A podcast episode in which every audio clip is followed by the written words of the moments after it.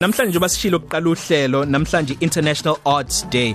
Abaningi bethu yize iart noma ubuciko noma amaciko kuyingxenye yempilo yethu kodwa mhlambe siyaye singakubheki direct ukuthi ke manje ke ngibheka iart. Uthola ukuthi indlela ogqoka ngayo noma izinto ezithandayo kodwa bakhona abantu abanjalo abanye nje singa- sisebenza nabo njengalo esizobingelela kuyena njengamanje. Sikhuluma noqiniso mbili. Mqiniso uyini la emsebenzini we, we produce aka current affairs umdideli we current affairs o ban ban Yes, yes. Uh, Oh. Current affairs news producer. Pro news producer. Halala. So like sihlezi ngicabanga mina ukuthi abantu kahle kahle o- okubona lo mkhakha okubona we art baneso elihlukile kunawo wonke umuntu ojwayelekile emphakathini right? yeah, but mangabe sisho kanjalo sikhu- si- sikhuluma sengathi eh, mhlawumbe abantu abathile ida- i-art sengathi idalela abantu abathile. Ungizwile ngichaza kodwa ungayiphikisi abanye bethu asibhekile ngqo Yeah, direct yeah. Mm. ukuthi ke manje ke ngibheki art kungaba mhlawumbe indlela engihlobisa ngayo endlini indlela engigqoka ngayo kodwa yabona ukuthi u indirect lo we Wonke art umuntu. Yeah. so hayi ngoba sicwasa Eh. yeah, so wonke umuntu wonke umuntu una capability ukuthi abe artist kuukuthi they just need to find i medium yabo yabo. Hmm. So abanye bangacula, abanye bama visual artist, abanye baya painter, abanye benza lokhu yana lokhu. wena uthanda yipi Eh mina ngi photographer. So yeah, Alright. ngenza i photojournalism.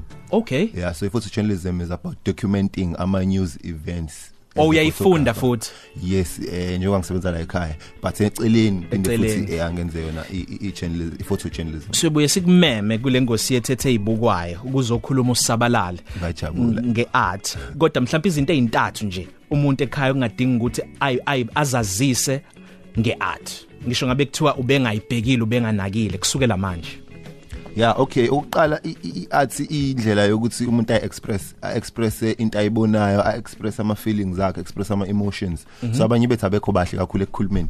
So through i-art uyakwazi ukuthi uthole i-voice yakho. ngiyabona yeah so mhlawumbe kwesinye isikhathi ke and then okunye eh, iphinde ibe therapy iyakwazi ukuthi ihile iyakulapha iyakwazi ukuthi kulaphe eh ngaba visual arts ingakulapha ngaba umculo njengoba wazi abanye abantu balasho umculo uyazi wangikhumbuza ukhona omunye okwase kushona usisi wakhe wakhuthazwa i-psychologist yakhe ukuthi akathathe iy'thombe zikasisi wakhe ayiqoqe azenze into ethile ezokhuluma wabe wazongixexela ukuthi yazi leyo nto yamlapha kanjani Yes. yeah okay mhlawumbe kokugcina yeah and then ukugcina eh ukuthi art investment okay so ku- kune side lemali kwi-art siyabo ma- like Eh? Oh, yes, oh, yes. Mm. yeah mangabe kune kwenziwa ama exhibition eh s- ufika bafika abantu bangena egallery babuka izithombe they're not just looking at the pictures yabo kune side lemali futhi because lezo izithombe ziyadayisa ukuthengwa kwazo kusho something Alright. and then umuntu mangabe sithenga leso sithombe sithathe yosibeka lokho futhi kusho something okugcina ubani artist yakhe oyithandayo yaseningizimu Afrika kwadlula wonke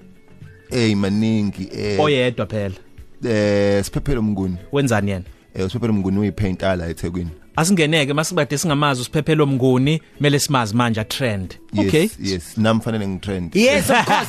Wena Athena sikuthola mindless eh Instagram qiniso mbili Siyabonga kakhulu qiniso mbili mfethu Bonga, usu- mate. usuvele nje wasikhanyisela kabanzi ngeart siyabonga Happy mfethu International Art Day artist.